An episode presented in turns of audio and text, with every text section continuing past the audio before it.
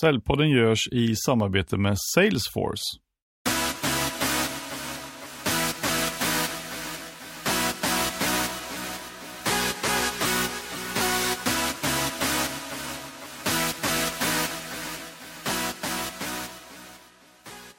Har du någon gång varit i en situation där du behöver förhandla? Då ska du i så fall spetsa öronen, för idag har jag med mig doktorn i förhandling, en av världens främsta forskare inom förhandlingsområdet, Lars-Johan Åge från Handelshögskolan i Stockholm. Och han har i många år studerat och följt med både FBI och svenska insatsstyrkan för att se hur de använder förhandlingstekniker in action. Och han har också analyserat mönster hos världens bästa förhandlare inom affärer och diplomati. Och nu är han aktuell med boken Happy Happy som såldes till över tio länder innan den ens kom ut i Sverige. Så det här avsnittet kommer handla om förhandling och hur du ska lyckas med att få både kunden och dig själv att känna happy happy när ni är klara. Så välkommen till Säljpodden Lars-Johan. Tack så mycket. Du har ju studerat förhandlingsteknik i många år nu.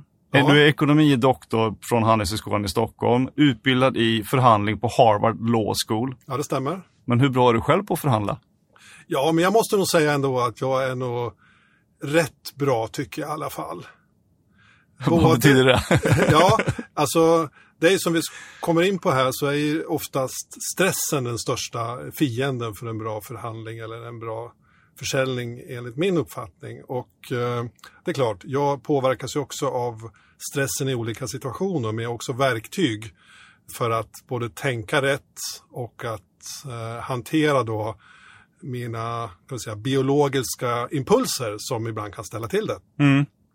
Men varför tycker du att man ska kunna liksom det här med förhandling om man jobbar med sälj då? Ja, egentligen så, så i, i min bok eh, Happy Happy, fem steg att komma överens med vem som helst. Där nämner jag inte så mycket om förhandling, utan pratar mer om att komma överens. Mm. För jag tycker det är ett, ett, ett mer spännande sätt att, så att säga, paketera det på. För alla människor befinner sig i situationer både privat och jobbet där man måste komma överens med andra. Mm. Är man säljare med en kund naturligtvis, eller en leverantör, men också med chefer, med kollegor och inte minst hemma vid köksbordet kanske med sin partner eller familj. Mm. Och forskning visar ju faktiskt att om man blir bättre på att komma överens med andra så lyckas man inte bara bättre i jobbet och bli mer framgångsrik utan man får också en högre livskvalitet. Rent generellt sett. Och det är det jag i, i den här boken försöker att förmedla då på ett tillgängligt sätt. att Hur kan vi då som redan är rätt duktiga på det här, för det ligger ju i vårt DNA. Att, komma samarbeta med överens. Ja. Ja. Det är det som har gjort oss människor till den eh, art som vi är idag faktiskt. Att vi har kunnat hitta vägar tillsammans med människor som kommer från andra perspektiv och andra håll. Och ändå hitta vägar framåt. Så jag tycker egentligen att det, och det är bara att titta ut i världen idag, titta på Brexit, Ja. titta på svensk politik, titta på Donald Trump, titta på Kina. Alltså, det är nästan den kritiska faktorn för mänsklighetens överlevnad, eller klimatfrågan för den delen. Ja. Hur kommer man överens om viktiga saker, även med människor som kanske tycker lite annorlunda? Ja. För Jag tänker det är många som kallar sig liksom förhandlingsexperter. Vi pratade om det här lite grann innan här. Ja, Eh, Och vad, vad är egentligen den stora skillnaden här då? Att eh, kalla sig förhandlingsexpert eller faktiskt ha forskat på det här och gjort det under många, många år. Ja, förhandling är ju ett område där det susar omkring en hel del myter Mm. och ganska så, vad ska man säga, ibland direkt felaktiga tips. Mm. Och problemet med så kallade förhandlingsexperter då, det är ju att de oftast tar sådana tips från sin egen erfarenhet eller från sin egen bakgrund eller någonting de har snappat upp i något företag eller något sammanhang.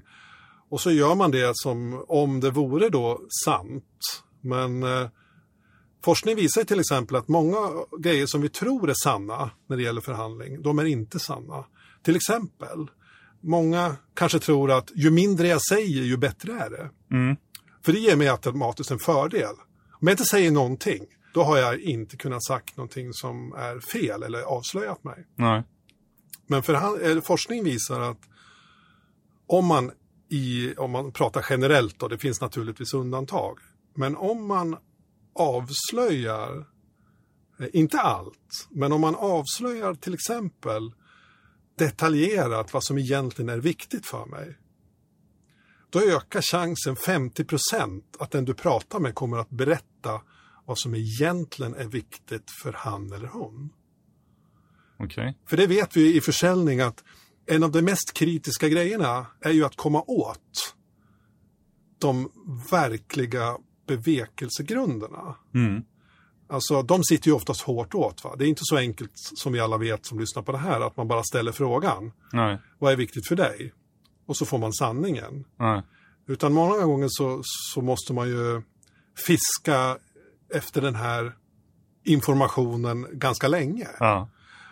Och att då berätta från hjärtat vad som egentligen är viktigt för mig. Alltså och visa på någon form av transparens och förtroende och tillit samtidigt. Kan trigga igång eh, den andra att börja berätta vad som egentligen ligger bakom. Det kanske inte är det här priset egentligen bara som är viktigt. Det Nej. kanske är viktigt för mig att, att visa mig för min nya chef eller jag kanske ska gå i pension nästa år och det är väldigt viktigt för mig att avsluta med en framgångsrik affär innan eh, mars har gått ut. Alltså det finns många som jag brukar kalla för svarta svanar. Mm. Alltså okända kunskapsluckor som vi måste fylla. Just det. Så det var ett exempel då på att, att en sån här sanning som förhandlingsexperter kanske eh, propagerar för kan vara eh, direkt felaktigt. Då. Mm. Men hur skiljer sig eh, just liksom förhandlingstekniker inom sälj och affärer då, mot det sätt som till exempel FBI eller svenska insatsstyrkan Ja, gör? det är en jättebra fråga. Hur skiljer sig en gisslanförhandlare från en säljare då? Det låter ju självklart kanske, men Ja, jag skulle, jag skulle nästan lite provokativt säga så här, det skiljer sig inte alls särskilt mycket. ja, okej. Eh, En säljare, okej. Eh, De flesta säljare möter ju inte lika mycket obalanserade och upprörda människor som en gisslanförhandlare gör. Nej. Det är ju den stora skillnaden. De står ju i, oftast i krissituationer. Ja. Men i övrigt skulle jag säga, så är det samma sak. Så, så man, man tänker så här, man sitter i förhandling med, med en kund, så här, "Äh, det är inte så farligt, det är ju det är ju ungefär samma som att sitta i gisslan. Ja, ja, men det intressanta är att när jag studerade i min forskning då, då letade jag upp världens bästa förhandlare Mm. och studerade dem. Och eh, jag skilde inte på om de var liksom gisslanförhandlare eller affärsmän, affärskvinnor eller diplomater. Utan jag var bara ute efter att hitta framgångsfaktorerna. Mm. Vilka framgångsfaktorer är det som gör skillnad? Och då använde jag en vetenskaplig metod som, som, är, som syftar till att hitta liksom, mönster i, i datan. Och det jag såg då, det var att det skilde inte särskilt mycket. Okej, som jag sa, sammanhangen är helt olika varandra. Men teknikerna och principerna mellan en gisslanförhandlare och en säljare är egentligen exakt likadana. Okej. Och det är det jag i den här boken, Happy Happy, fem steg att komma överens med vem som helst. Jag hittade fem framgångsfaktorer. Oavsett det är i, inom politiken, i en krissituation med en gisslantagare eller i en säljsituation. Och jag såg också att de här fem framgångsfaktorerna oftast dök upp i en viss ordning. Man skulle kunna se en inb- inbördes ordning mellan de här. Det är därför jag kallar dem för fem steg att komma överens med vem som helst. Ja. Det finns alltså en början och det finns saker som kommer efter början på ett naturligt sätt. Och hur, hur är de här stegen liksom som du hittade då? Vad, vad är det för steg? Liksom? Kan man själv liksom förbereda sig på de här sakerna innan? Ja, de här stegen har jag ju, det tog mig nästan två år att formulera Mm. de här stegen så att de skulle kunna användas av vem som helst i olika typer av situationer. Mm.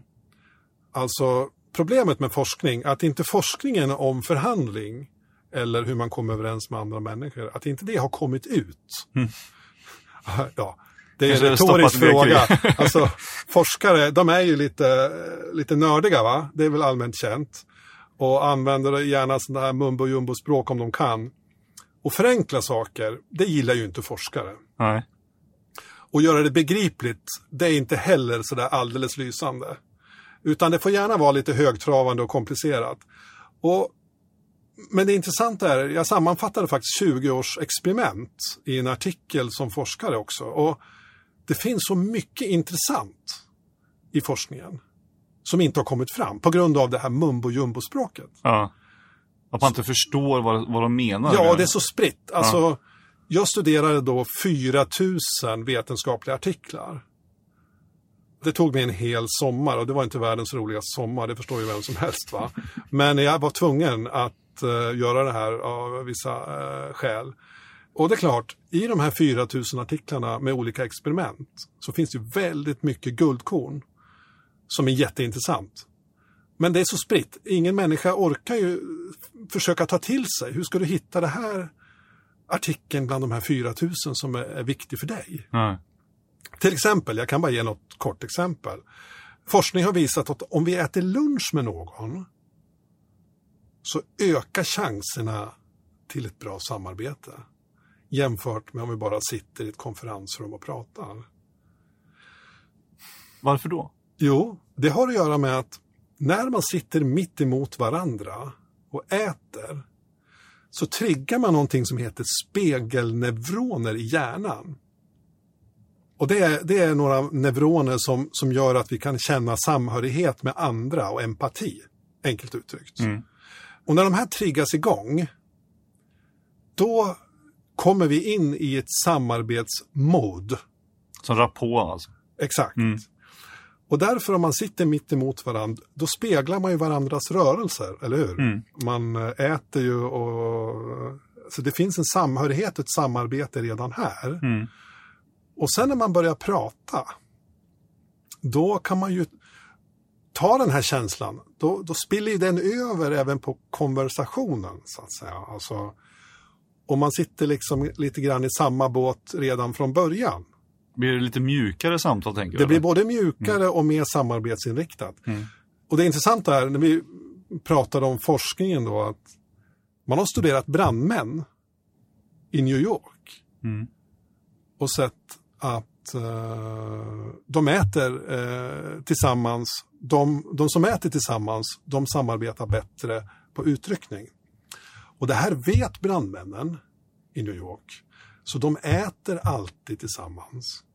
Även om de har ätit redan med sin fru eller man. Mm. För det här blir så att säga även där starten till samarbetet på utryckningen. Okej. Okay. Och det här är en studie som man har gjort, men hur många känner till den här? alltså förmodligen inte så många. Jag tänker just det här med det som kommer ut med, med rapport. Det är ju liksom ändå någorlunda känt i, i säljsammanhang. Att, ja, man, att man bygger liksom en, en spegling av varandra. Men ja. för, för, att komma liksom lite närmare i, i sammanhang, eh, alltså i kontakt ja, med, och, och, komma lite snabbare in på, på det viktiga. Men kanske inte just det med brandmänsdelen. är väl inte så många som vet. Eller lunchdelen kanske? Eller lunchdelen, nej. nej. För att, och det är det jag eh, mitt syfte med den här boken, eh, det var inte bara att skriva massa forskning utan göra den så att den skulle kunna göra folk mer medvetet kompetenta. Alltså, mm. alla som lyssnar på det här är ju proffs på att komma överens med andra. Det är, det är min fulla övertygelse. Ja, alltså, säkert. Ja, det är du och det är jag och det är alla. Och speciellt om man är lite intresserad av försäljning. Ja. Alltså då är man ju i branschen, komma överens. Så vad kan jag tillföra i den här boken till exempel, eller i ett sånt här samtal till en sån person?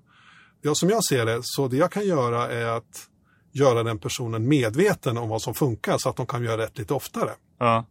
Alltså att ta dem från att vara omedvetet kompetent och bara göra rätt ändå utan att veta om det till att bli medvetet kompetent.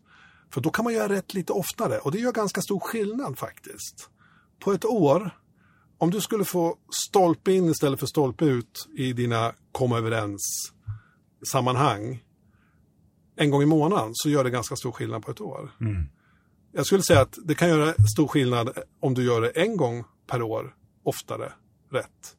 Mm. Om det är någonting som är väldigt viktigt för dig. Mm. En stor affär, mm. ett nytt jobb, en ny partner, eller vad det nu handlar om, eller en gammal partner eller vad det nu är för någonting. Det kan vara ett så eh, viktigt ögonblick där eh, din medvetenhet då När den här potentiella chefen ringer dig och säger du, ska vi träffas imorgon klockan tre eller vill du äta lunch? Då kanske du kommer ihåg att, ja men just det, det där med att äta lunch, det har jag hört någon gång. Välj alltid lunchen. Då tar jag lunchen och det Ja. kanske, den lilla grejen kanske gör att den där du träffar tycker att, ja men den där killen, vi fick en jättebra kontakt. Det är därför en del säger man ska aldrig tacka nej till en kopp kaffe. Nej, Ligger det lite i, i samma tanke där, tänker du? ja absolut. Sen har kaffet andra effekter på oss som är positiva faktiskt. Mm. Men det vet jag inte om vi ska ta nu. Men kort och gott så hjälper kaffe till att höja humöret på oss Ja. några snäpp. Vilket är oftast anledningen till att man, man naturligt känner att man tar in en kopp kaffe i konferensrummet och så Ja. vidare. Va? För det det gör det är att det höjer glukosnivån. Om vi ska vara lite, lite forskar mumbo jumbo-aktiga. Glukosnivån gör att vi lättare kan kontrollera oss själva. Mm. Och bli lite smartare också. Mm. Några, några små snäpp så att säga. Men om vi tittar lite grann på de här ehm, stegen då som Ja. ingår i, i boken Happy Happy. Här. För att, eller, vi kan backa ett steg och tänka så här, varför inte win-win? Ja, är, Varför ja, happy happy? Det där är min favoritfråga. Jag är glad att du ställde den, för den är hela... Ja, den är jätteviktig. Alltså, win-win, det låter, tycker jag då, som om man mäter någonting i ett visst ögonblick. Ja. Jag fick det här, vad fick du? Ungefär som när man var liten och skulle dela upp ett glasspaket. Va? Då sprang man efter linjalen och så skulle man dela så det var exakt lika. Ja. Det sätter fokus på mätbart och vid en viss tidpunkt. Och vinna. Okej, jag håller med om det. Det är mycket bättre än win-lose. Ja. Mycket bättre än win-lose. Men det är ändå inte riktigt, riktigt bra. För orden vi använder, det för också tankarna och hur vi agerar i en viss riktning. Och det, helst ska vi ha ord som fungerar som bra målbilder för oss. Och, vinn-vinn är egentligen inte riktigt idealiskt. I min forskning så har jag presenterat ett begrepp som heter happy happy. Som jag tycker fungerar bättre. Jag har skrivit en del vetenskapliga artiklar om det, men enkelt uttryckt så tycker jag det funkar bättre för att man sätter fokus på nöjdheten, Mm. relationen, samarbetet och långsiktigheten. De fyra. Nöjdheten, samarbetet, relationen och långsiktigheten. Så att det blir ett mer hållbart sätt att arbeta. Och varför är det så stor skillnad? Nu vet jag att många använder win-win-begreppet ändå för att beteckna det här och då är det väl fine. Men jag tror ändå att om man bär med sig happy-happy-begreppet så kan det påminna oss om de här sakerna. Om du till exempel har, har fått precis vad du vill i en affär så kanske du ändå tänker, ja men happy happy. Finns det någonting som den andra skulle kunna värdera väldigt högt som inte är så dyrt för mig? Just det.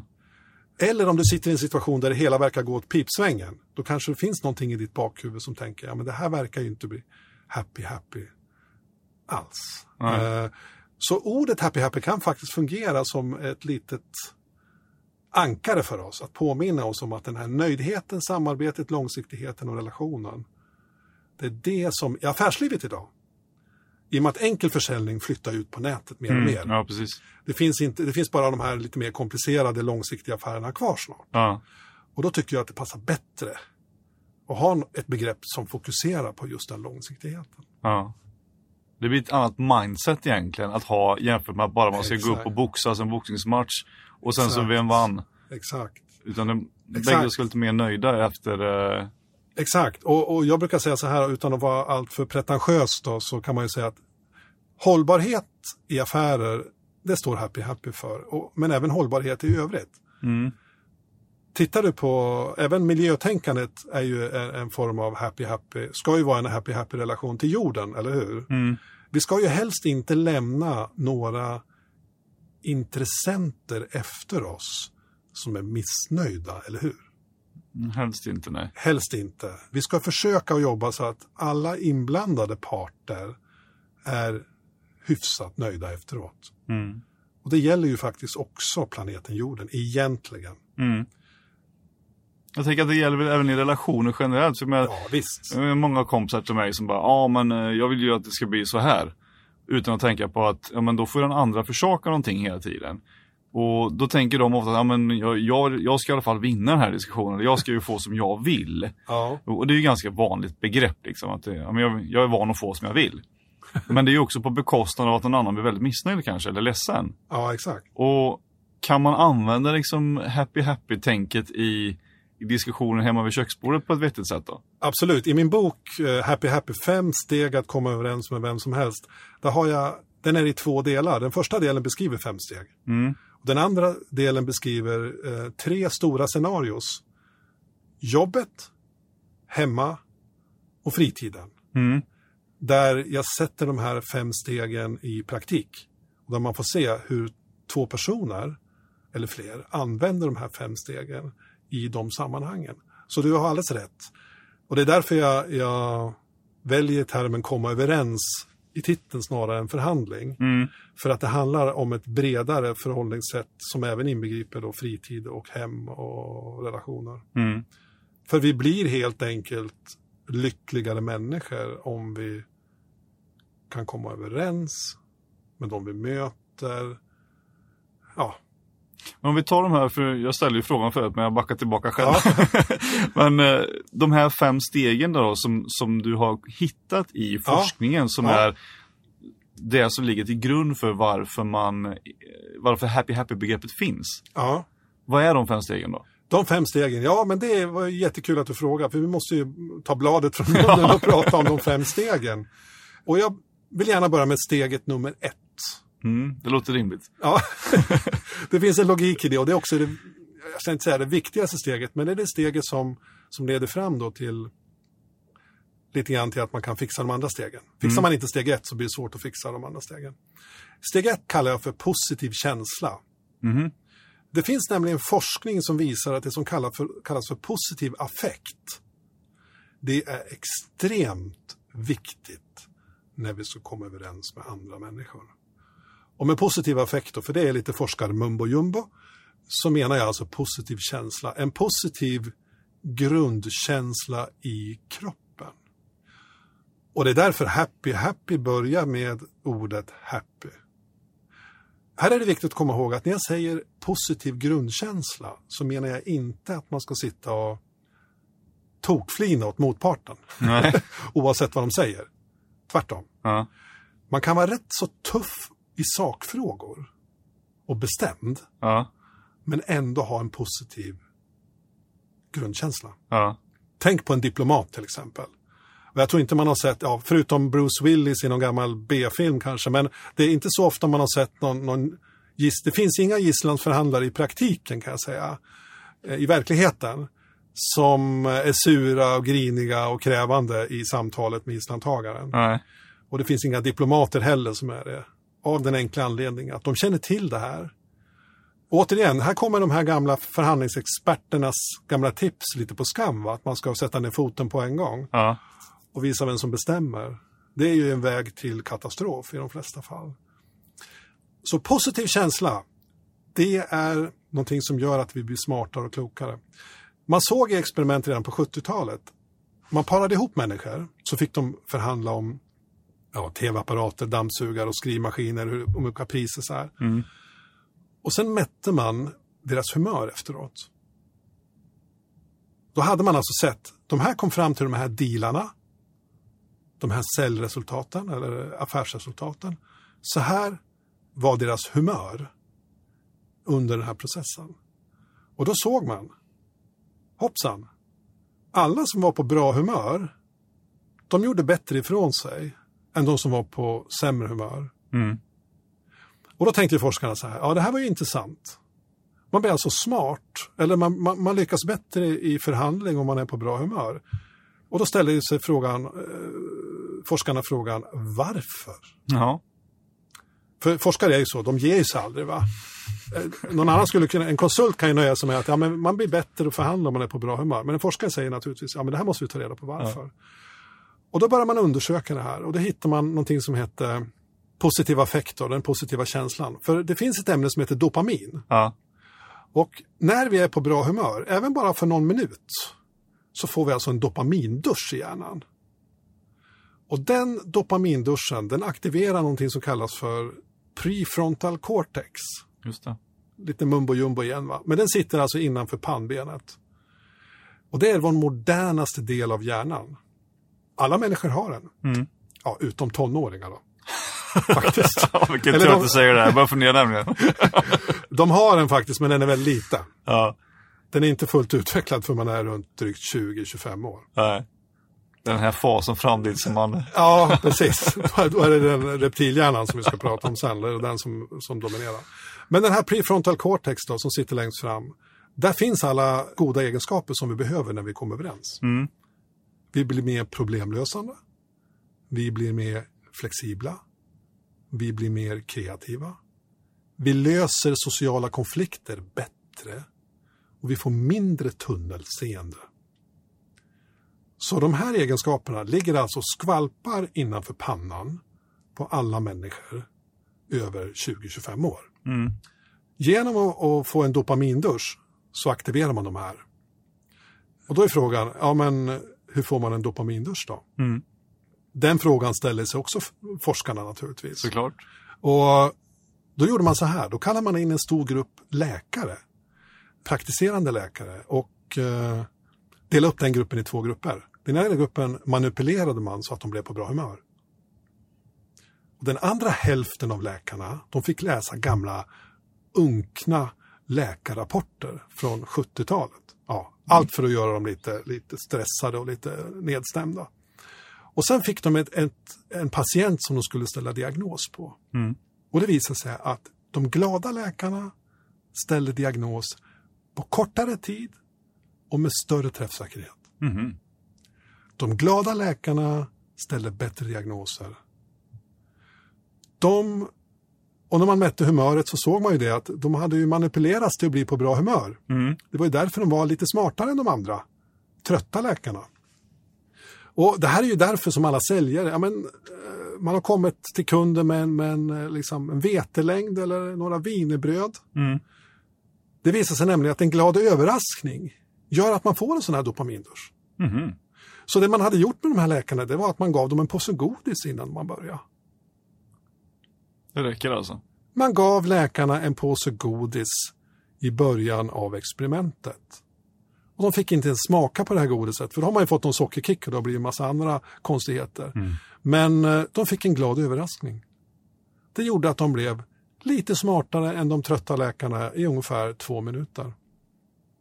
Och gjorde bättre ifrån sig.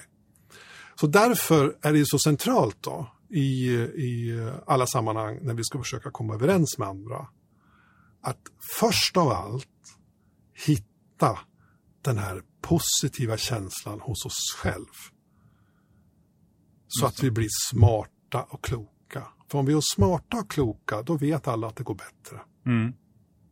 Så att sitta, sitta och liksom lyssna på lite bra musik så man blir på bra, bra humör eller lite så här stand-up comedy och något som man skrattar en stund innan man går in på säljmöten är jag rekommenderar alltså. Ja, eller som vi sa tidigare, en, eh, här funkar ju allting som funkar för dig. Mm. Bara du är medveten om att okej, nu ska jag träffa chefen om, om eh, tio minuter och diskutera vad jag ska göra under nästa år. Mm. Vi kanske tycker lite olika om det här. Då kanske du kan fundera på vad du kan göra för att komma i balans och få en positiv känsla. Mm. Naturligtvis. En gisslanförhandlare, en, en chef på FBI som jag träffade i USA, han sa så här till mig. Om du kommer till en plats där vi ska förhandla och inte har sovit åtta timmar, då skickar jag hem dig direkt. Okej. Du får inte vara med och leka.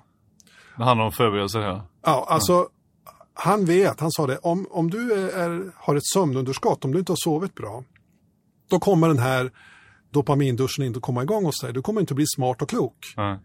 Du kommer vara stressad av tunnelseende och det är ingenting som kommer att gå bra.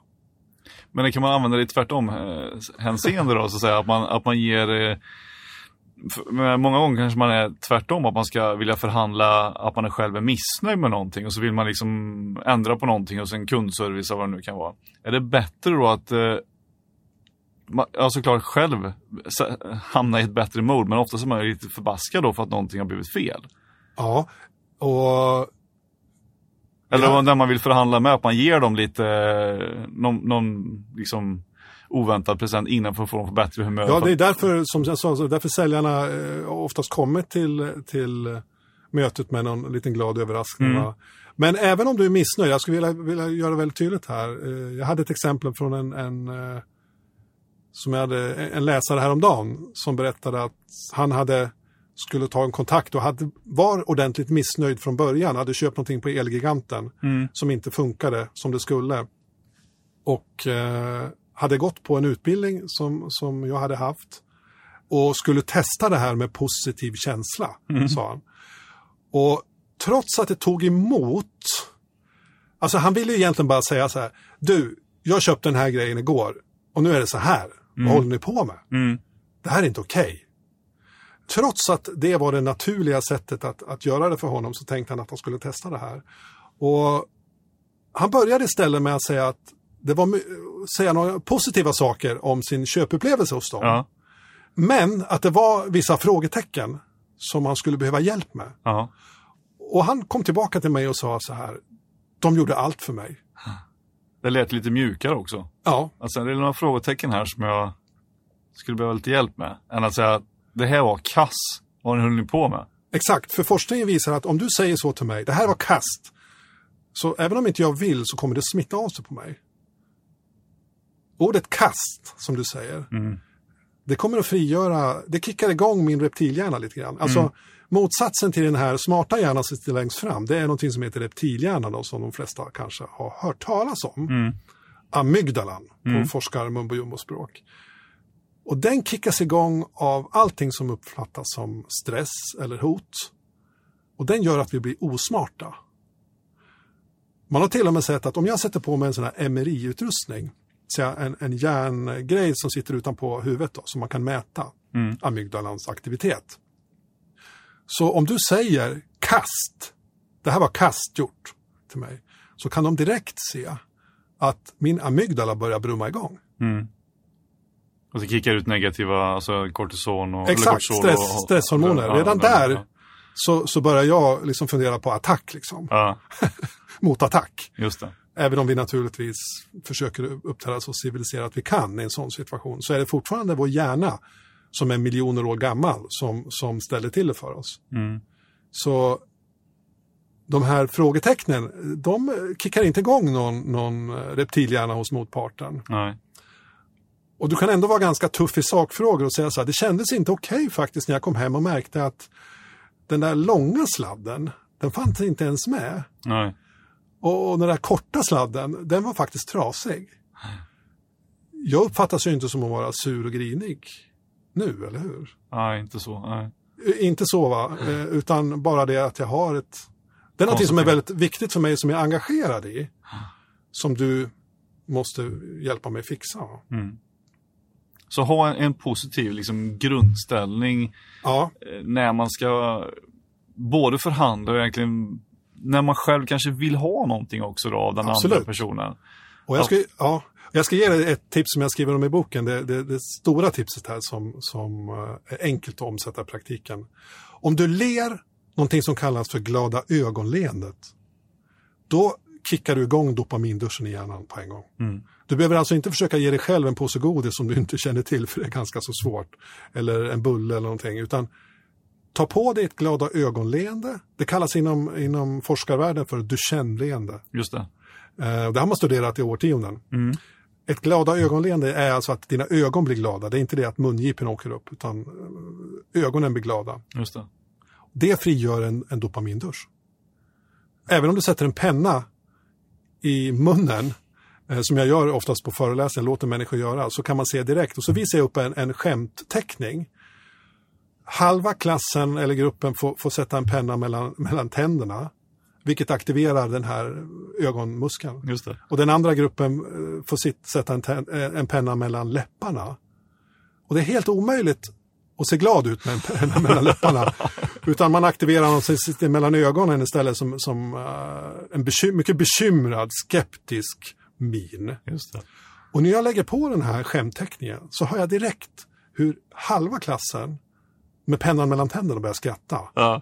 Medan sur, surgruppen inte tycker att, verkar tycka den är något särskilt roligt alls.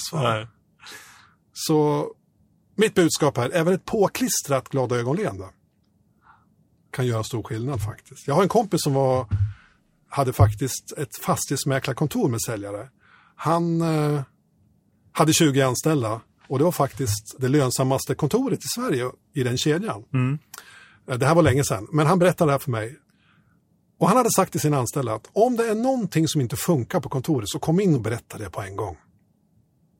Han var en bra chef. En morgon kom det in en tjej och sa Mats, vi har ett problem. Ja, vad bra att du kommer hit och berättar det. Vad är problemet? Det är du. och det hade inte Mats riktigt räknat med som ny chef. Um, men han frågar ju den här tjejen, vad, vad, kan du berätta lite mer om det? För det är jag som ställer till allting. Nej, så hon, vi tycker du är en jättebra chef generellt sett, men varje morgon du kommer in så ser du så fruktansvärt sur ut så att det sänker stämningen på hela kontoret. Och jag har tagit på mig att föra fram det här, för, för det här har blivit ett problem för oss. Mats, han kontaktade Kjell Enhagen som han kände och sa till Kjell så här, du Kjell, du måste hjälpa mig. Och Kjell sa, Mats, det här låter enkelt, men prova. Ta på dig ett glada ögonleende innan du går in över tröskeln på morgonen. Mats gjorde det, det förändrade allting. Mm. Idag, 20 år senare, är han lärare för fastighetsmäklare. Okej, Eh, i utbildningen. i utbildningen, Ja. på fastighetsmäklarutbildningen. Och han berättar den här historien ofta för dem. I och med att han har upplevt kraften i något så enkelt tips. Som vi kanske gör varje dag utan Mm. att vi tänker på det. Men nu kan vi kanske göra det någon gång även när vi känner oss lite stressade. Mm. Man märker det, framförallt mina grabbar är lite känsliga så för, eh, för hur, hur humörskiftningar läser av det ganska snabbt. Och någon gång när vi var iväg på ett ställe och skulle köpa glass på någon, på någon, på någon strandrestaurang där. Ja. Ungefär. Så den som stod i- i kiosken där bara i princip sa så här, hej. Och hade ett litet leende på läpparna. Ja. Hej. Jaha, så det är lite glassläge? Ja, absolut. Så, så, ja, ni får välja någonting här då. Och sen så bara tog betalt och sa, ja, ha en fortsatt bra dag. Och så var det inte mer med det. Det var Nej. ungefär de orden som, som Ja. utspelade sig där. Och så kom bägge grabbarna ut och sa, mamma, pappa, såg ni vad trevlig han var? Jag tänker, ja det behövs inte så himla mycket mer för att man ska tycka att någon är lite positiv och, och önskar en trevlig dag. Och så var ju hela deras liksom, eftermiddag helt fantastisk. Ja, ja det, jag, jag blir fascinerad av hur någonting så enkelt kan... Men det har att göra med att, som jag sa tidigare, vi smittar. Mm. Forskare visar att människor som sätts mitt emot varandra och ska komma överens om någonting, de tar efter varandras kroppsspråk efter en stund. Mm. Ibland kan vi ju, vet vi inom cell att det kan man göra medvetet, men det händer även eh, de som inte tänker på det. Till och med att man börjar andas Mm. I samma takt. Mm. Så därför, och det här kallas för emotional contingency, någonting sånt där. Men det, det, det, är det som gör att det här är så effektivt. Mm.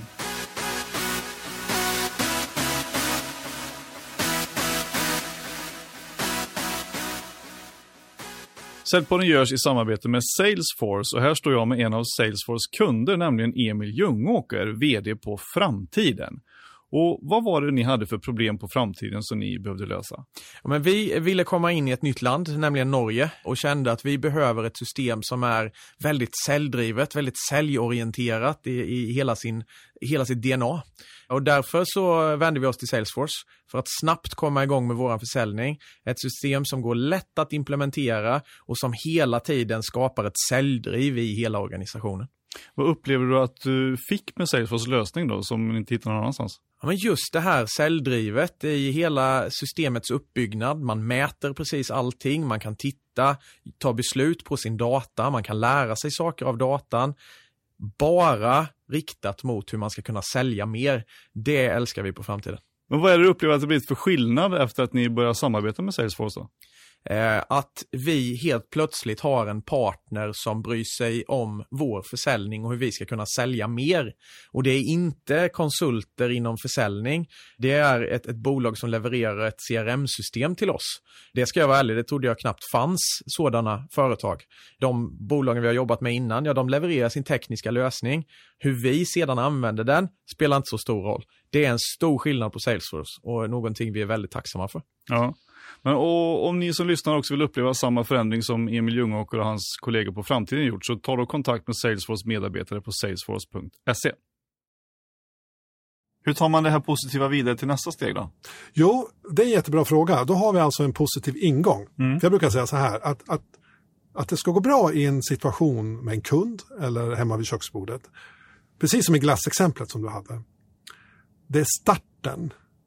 Som, det är ungefär som, du kommer ihåg de här gamla månraketerna, höll jag på att säga, som, som eh, Challenger, vad heter de? Fär, månfärjan. Ja, just det.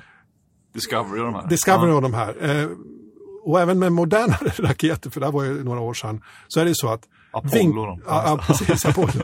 Eh, vinkeln som man kommer in till jorden, den är helt avgörande för att det ska gå bra. Ja.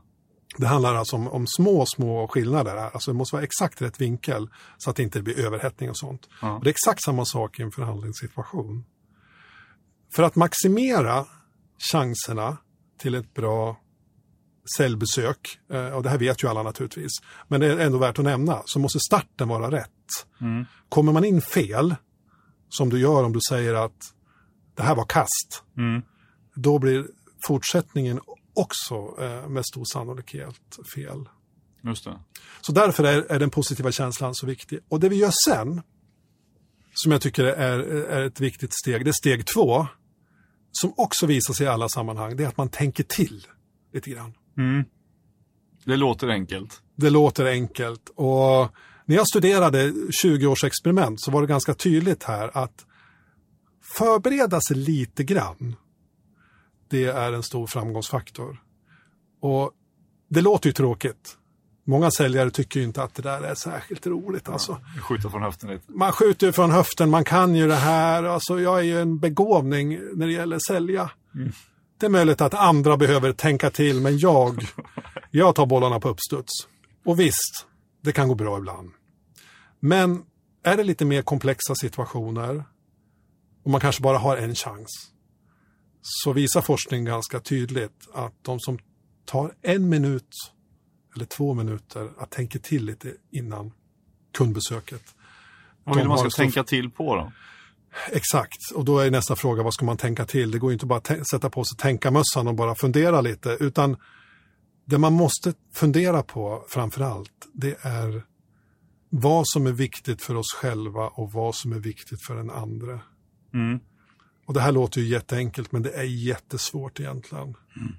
Om du ska träffa din eh, chef imorgon bitti, din säljchef och diskutera din bonus, så kanske du, eller din lön, så kanske du ligger vaken på kvällen och tänker så här att ja, jag ska ha 30 000 eller 50 000 i månadslön. Men det är inte det jag menar med att tänka till. Nej. Det är dina krav, ståndpunkter. Ja.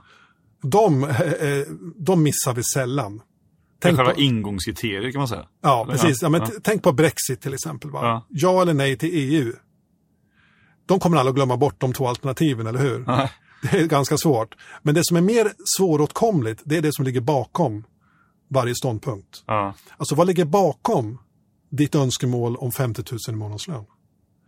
Vad är det egentligen som är viktigt för dig? Det kan vara massa saker. Det kan vara att du vill ha lika mycket betalt som din kompis. Det kan vara, lika, vara det att du vill ha ekonomisk frihet för dig och din familj. ja, Det kan vara att du vill köpa ett nytt hus. Det kan vara, inte vet jag, kan vara Nej. vad som helst. Och grejen är att om vi börjar tänka till vad som egentligen är viktigt för oss och helst ska vi skriva ner det som är viktigt för oss. Jag, I min bok Happy Happy fem steg att komma överens med vem som helst presenterar jag en enkel, en busenkel metod för att göra det här. Mm. Och då menar jag verkligen busenkel. Den här gjorde man forskning på på Harvard, men den var mycket mer komplicerad så ingen använde den. Ingen har lust att sitta med Excel-ark, eller hur? Nej. Innan du ska ha en diskussion om, om semesterresan med din fru. Nej. den förhandlingen kan riskera att bli något helt annat. Ja. Exakt. Och inte ens om det handlar om ett kundbesök så kan det kännas särskilt lockande. Va? Utan då måste vi hitta någonting som är praktiskt. Och jag har en metod som jag kallar för viktighetslistan. Mm. Och jag har hållit utbildningar i, i många år och sett att det är en riktigt magic bullet som kan förändra allting. Och den är, som jag sa, den är så simpel så att du kan göra den på en servett, du kan göra den på en whiteboard. Eller om du vill göra det lite mer seriöst kan du kalla in din projektgrupp som ska göra den här IT-affären och sitta två timmar om du vill. Mm. Det man gör är helt enkelt att man drar ett streck på ett papper. That's it. Ja, okej, nästa punkt. Allt kommer att gå bättre. Ett streck gör livet enklare. Nej, eh, man ska skriva lite mer. Och på ena sidan, på den vänstra sidan strecket skriver du vad som är viktigt för dig. Mm.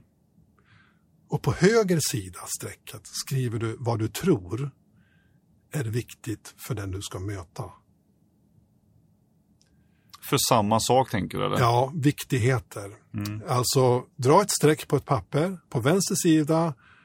Här måste du fundera igenom och skriva vad som är viktigt för dig. Mm. Och du kan inte bara skriva 50 000 i månadslön här. Utan just varför det är viktigt. Mm. Just varför det är viktigt.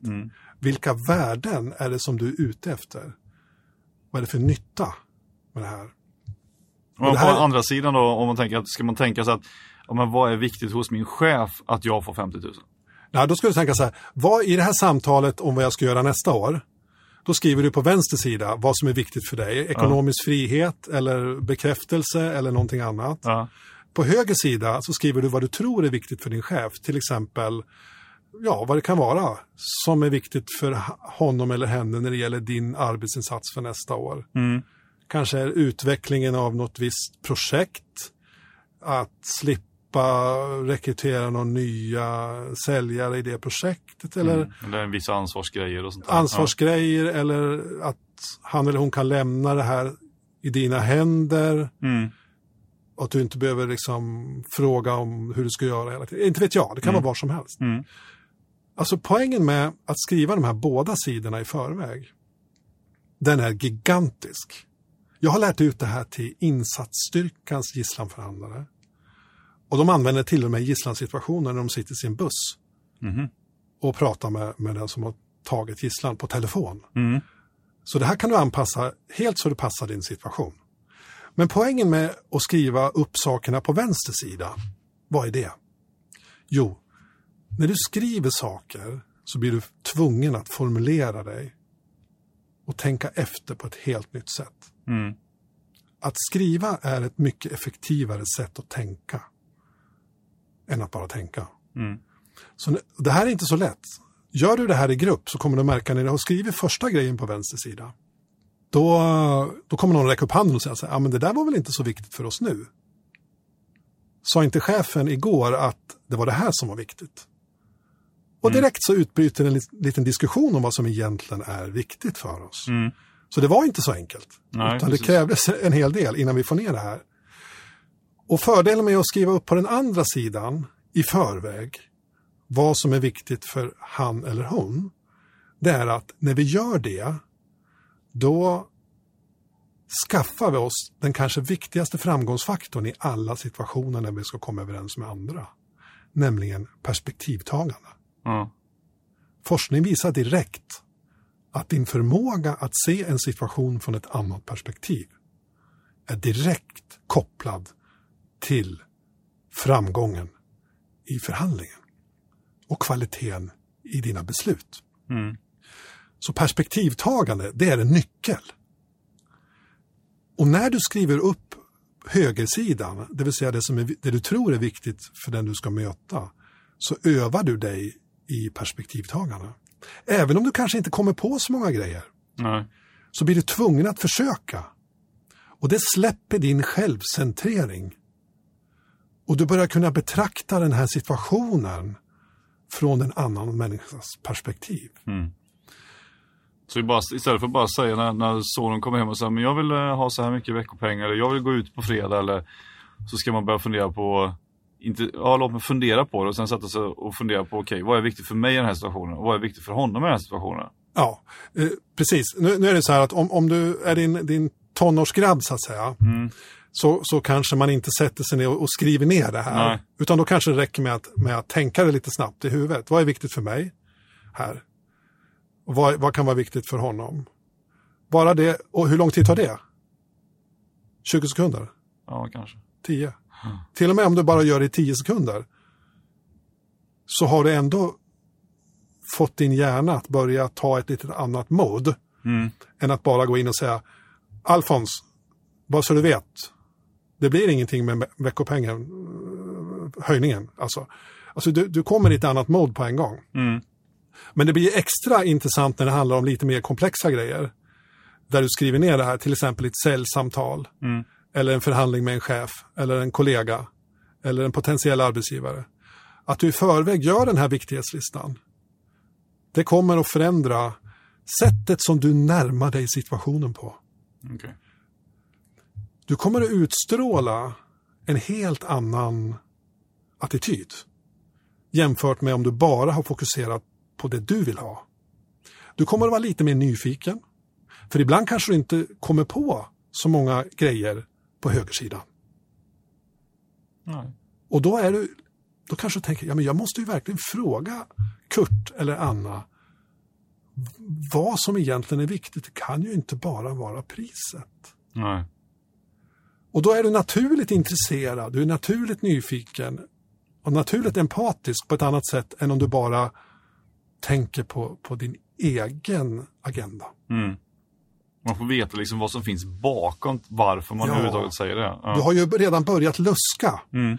och du kan hitta det jag brukar kalla för svarta svanar. Mm. I boken eh, Happy Happy, fem steg komma överens med vem som helst, där skriver jag om någonting som de flesta har talas om. Kanske. Har du hört talas om det? Svarta svanar? Ja, du nämnde det innan här. Då har alla som lyssnar nu hört talas om det. ja, jag Vi kan, kan upprepa det då. jag upprepar mig ändå. Jag kan säga så här, det finns en FBI-agent som heter Chris Voss. Det är så här, FBI-agenten, de går i pension när de är 55. Mhm. Så många vill göra någonting annat efteråt. De har tid att göra det. Chris Voss, han har startat ett företag som heter The Black Swan Inc. Mhm. De hjälper affärsmän, affärskvinnor och säljare att hitta svarta svanar. Okej. Hans budskap är det absolut viktigaste i en förhandlingssituation det är att få tag på de svarta svanarna. Och vad är en svart svan då? Jo, för 300 år sedan så satt ett gäng fågelskådare i Norden och hade en teori om att alla svanar var vita. De var väldigt nöjd med den teorin. Av en händelse åkte en av de här gubbarna, för det var ju mest gubbar på den tiden, till Australien. Mm. Gissa vad han hittade där. En svart svan. Han kom hem och sa, grabbar, jag har dåliga nyheter. Jag hittade en svart svan. ja. Det här betyder att Teorin föll. teorin föll pladask. Och sedan dess så har en svart svan fått representerat någonting som dyker upp. Som kan vara ytterst viktigt. Men det är inte så lätt att hitta. Nej. Men, ett till men här, det är inte omöjligt att hitta om man letar ordentligt. Hur letar man på ett bra sätt då? Exakt. Hur letar man på ett bra sätt då? Jo, det gör man ju genom, och det vet ju alla säljare, det här är ju bara lite andra ord att säga på det vad man pratar om när man säger behovsanalys. Va? Ja.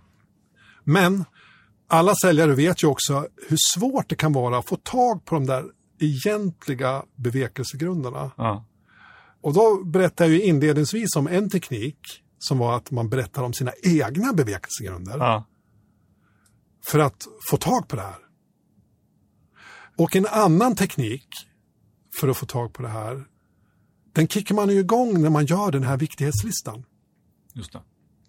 För på, på höger sida dyker det alltid upp en svart svan. Mm. Och det ska alltid, om det inte dyker upp en svart svan på högersidan så har du inte hittat den va? Så du är alltså på uppdrag att hitta den svarta svanen. Och ibland kan det vara så, och det är därför den här viktighetslistan då fyller så många funktioner. Mm. Du får bättre koll på vad du själv vill, egentligen. Du, får bättre, du väcker din nyfikenhet som gör det lättare att ställa frågor. Du väcker din empati, vilket kommer att kännas av motparten. Du får också en överblick på hela situationen. På pappret. Mm. Du ser ju direkt. Och när vi gör det så blir vi oftast mer optimistiska. För bortom kraven så finns det ofta större möjligheter att hitta lösningar. Just det. Fokuserar vi på viktigheter så, så blir vi oftast mer optimistiska. Eh, det finns anledning då att vara optimistisk. Så den här positiva känslan som vi får i steg ett, när vi tänker till genom att till exempel göra en viktighetslista, så blir, förstärker vi oftast den känslan. Och blir ännu mer optimistisk och open-minded när vi ser likheterna mellan viktigheterna. Mm.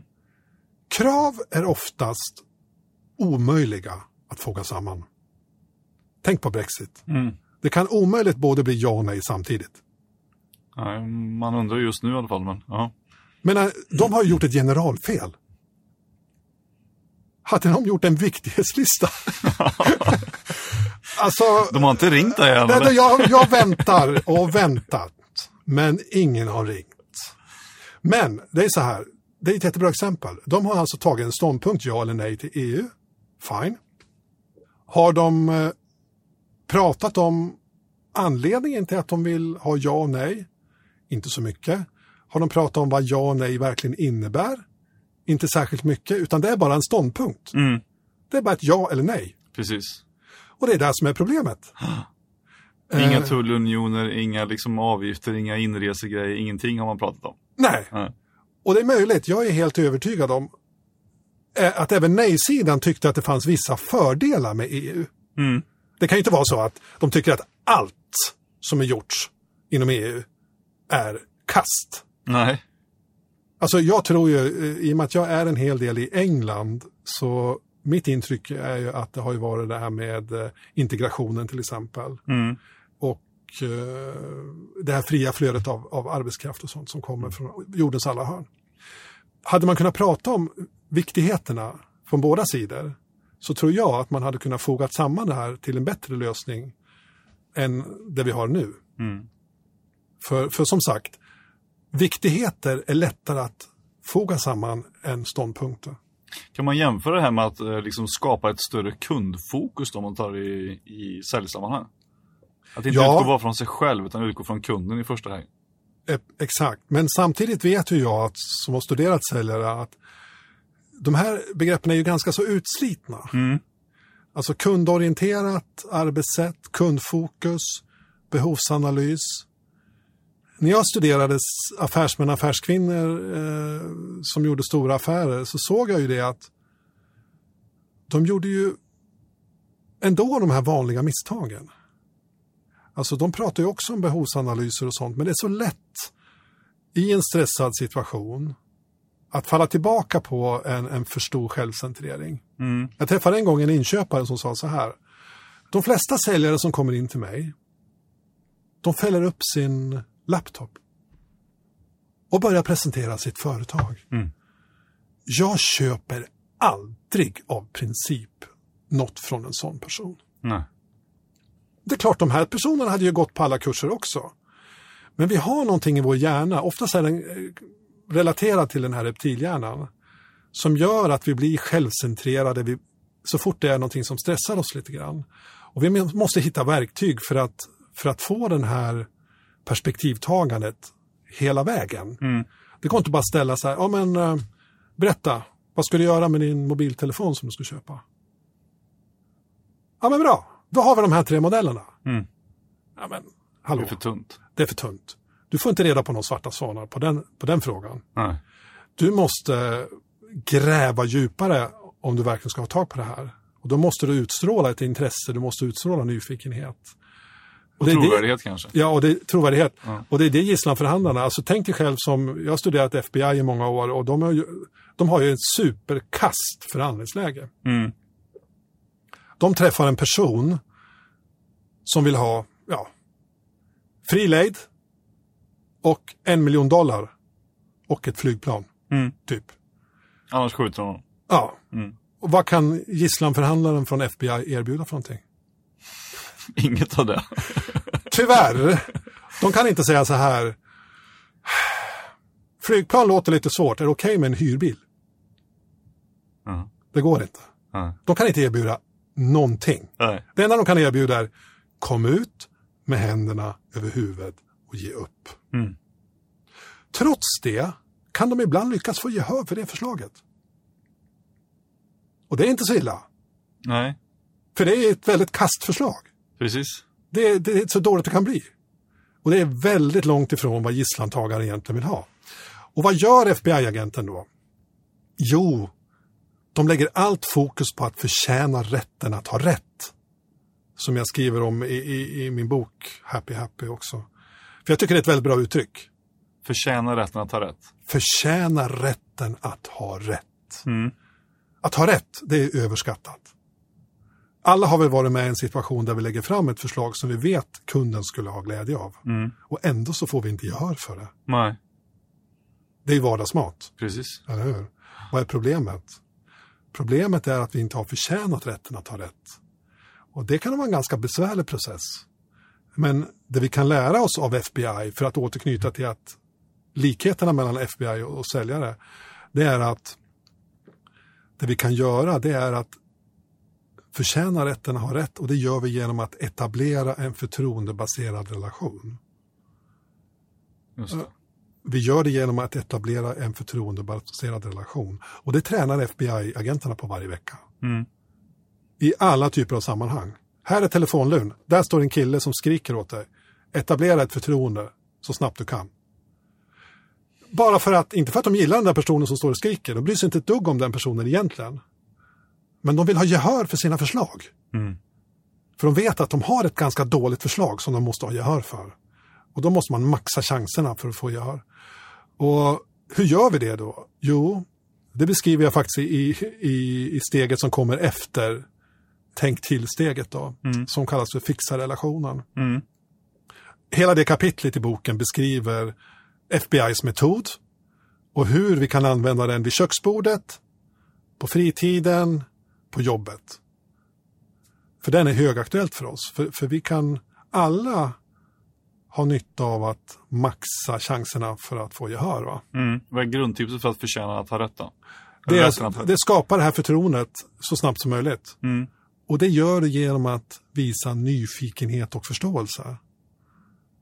Och att visa ett litet ego. Mm. Nyfikenhet och förståelse och ett litet ego. Och här kan det vara lite svårt i säljsammanhang. Fastighetsmäklare, de duktiga fastighetsmäklarna. Här gäller det alltså att förstå hur vår egen självcentrering och vårt, ego, e, vårt eget ego kan, kan förstöra för oss Mm. i säljsammanhang. Mm. Jag menar inte att man inte kan ha en fin bil eller en, en, en eh, dyr klocka eller någonting sånt. Det är inte det jag menar med ego, utan det jag menar med ego det är att man i samtalet inte egentligen bryr sig om motparten på ett äkta sätt. Precis.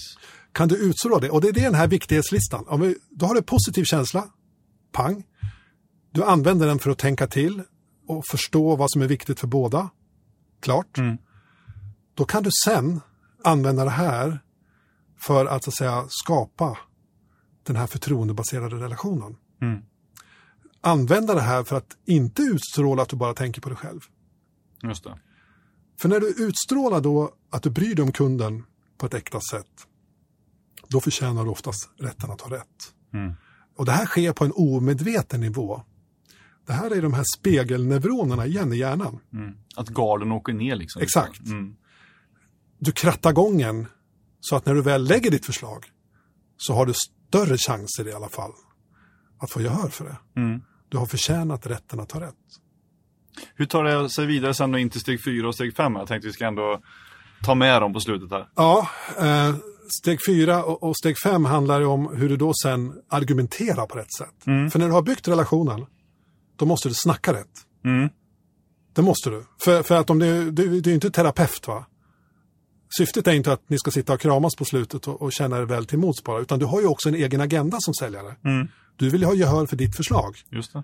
Och då är det dags att snacka rätt. Och det skriver jag om i det steget. Och sista steget, det är när man har gjort alla de andra stegen och ändå inte blivit som man har tänkt. Jag kallar det för ha en plan B. det är bra. Ja, det är bra. för att ofta så går det bra. Eh, vi kanske bara behöver använda ett eller två steg för att nå vårt mål. Mm. Men vi kommer i situationer där det trots våra Trots att vi har fixat relationen, snackat rätt, gjort vår viktighetslista, så möter vi i alla fall någon människa, ibland, någon gång kan det hända i alla fall, inte så ofta, som eh, antingen ja, blir väldigt upprörd. Det kan ju hända eh, privat eller så. Mm. Kanske inte händer med en inköpare, liksom, att de börjar slänga liksom, kaffekoppar efter det. Men, men eh, det kan ju hända eh, privat eller att du i något annat sammanhang på fritiden, en förening eller så, möter en människa som är väldigt upprörd eller så. Och det, det är faktiskt intressant, för, för i forskning så har man visat det att sätter du ihop människor två och två och låter dem förhandla om ett, i det experimentet, ett mobilabonnemang Mm. med försäkringar och hit och dit, olika parametrar. Men så preppar en person så att eh, försökspersonen känner inte till det då, va? att den personen kommer att ge, göra ett hetskt utfall Mhm. mot försökspersonen Okej. vid ett visst läge i förhandlingen. Ja. Alltså med hetskt utfall så menar jag alltså att den personen då säger då till den ovetande försökspersonen någonting i stil med Hörru du, bara så du vet, nu börjar jag tappa tålamodet. Dina förslag, det är inte riktigt vad jag har väntat mig. Va? Om du fortsätter så här så kan vi lika gärna lägga ner alltihop på en gång. Det man sen kan se när man mäter det här, att de en, det enda som har gjort skillnad i resultatet, när man ser vilka beslut de kom fram till med den här mobilhistorien, de enda som där det gjorde någon skillnad, det var de personerna som hade en plan B. Alltså de som visste vad de skulle göra om det här hände. Mm. Vad gör du om en människa efter fem minuter säger sådär till dig? Och då kan man ha som en reservskärm som man alltid kan dra i. Alltså, den behöver du inte förbereda för varje möte eller så, utan det är en reservskärm som FBI-agenten använder till exempel, för det händer ju dem ganska ofta. Ja. Att gisslantagaren börjar gapa och skrika och säga åk härifrån, det är ditt fel alltihop. Ja. Ta de här killarna utanför fönstret med dig och åk härifrån, jag tänker inte prata med dig längre. Ja. Det, är- det är ju normalt. Och då måste man ha ett alternativ. Ja, även om det inte alltid behövs naturligtvis, så är det bra att ha en reservskärm. Hur många sådana plan B ska man ha då? Ja, det här beror ju på sammanhangen, men, men om, det gäller, om det gäller ett sånt här hetskt utfall eller någon som blir upprörd, så finns det ett par, jag skriver i boken ett par tips eh, som man använder i sådana här sammanhang. För att aktivera den här främre delen i hjärnan. Mm. För om du tänker vad som händer med den här personen då som, som, som, säger, som ber dig fara dit peppan växer så att säga. Så är det ju så att amygdalan har ju oftast gått igång. Mm. Du står inför en person som har en hyperaktiv reptilhjärna.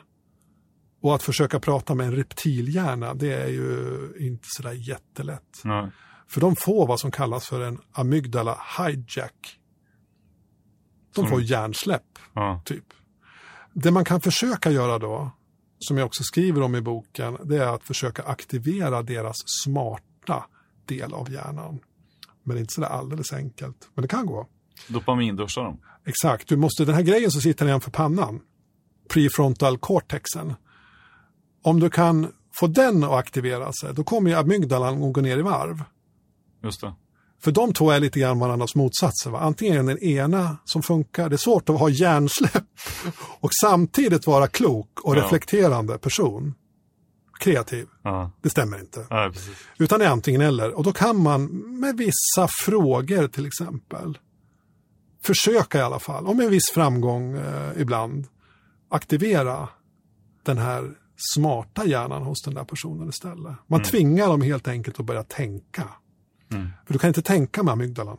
Nej. Det är bara fight or flight på den. Det är bara fight or flight på den. Och då kanske man kan ställa en fråga. Ett sätt att göra det på är någonting som jag skriver om i boken som kallas för låtsasresonemang. Mm. Du frågar personen en fråga. I det fallet kanske de inte har börjat skrika än, men de kanske säger så här. Bara så du vet, jag kommer inte att ge dig 50 000 månadslön. Det är 35 punkt slut. Mm. Och det är inte uppe för diskussion längre. Nej. Då kanske din plan B är att ha ett låtsasresonemang där du sätter din personen du pratar med i dina skor. För det kan aktivera deras tänkande hjärna. Säga så här, ja, Arne, jag har med mig lite listor här från, från uh, vad de här lönerna brukar ligga på för en Key Account Manager med globalt ansvar. Om du var i min situation och tittar på de här listorna och ser att snittlönen ligger mellan 47 och 57 och så möter du någon som säger att det är 35 och det ska inte diskuteras. Hur skulle du Vad skulle du säga i en sån situation? Ja, jag förstår. Det här är inte så lätt. Det här måste ju Arne börja fundera lite grann, Ja, eller hur? Precis. Kanske tänka... Och då har man ju kanske knäckt koden Just det. lite grann. Ja. Det finns andra sätt också, men, men eh, ett låtsasresonemang Mm. kan faktiskt tvinga motparten att bli Mm. förnuftig. Ja, coolt. Det här var ju fantastiskt roligt att höra om hur, eh, hur förhandlingsbegreppet egentligen har tagit en ny vändning här i och med Happy Happy. Jag hoppas det, absolut. Det finns ett stort behov eh, idag tycker jag för ett hållbart sätt att jobba, inte bara i affärer, utan även eh, i våra privata relationer också. Ja. Och om man vill köpa boken finns den vart som helst i Den bokhandeln? här finns på Adlibris eller Bokus och Mm. den heter eh, Happy Happy fem steg att komma överens med vem som helst. Gött. Då är det bara att vi eh, ber lyssnarna att ta del av den här eh, och bli happy happy i alla situationer, såväl i kundsituationer som hemma vid köksbordet helt enkelt. Exakt, som jag brukar säga, alla vinner på Happy Happy. Precis. Men härligt. Tack så mycket Lars-Johan för att du Tack tog dig tid att med i Cellpodden och dela med de här kunskaperna om eh, modern förhandlingen då egentligen med Happy Ja. Happy-metoden. Stort lycka till med boken och kommande föreläsningar framöver. Tack! Tack!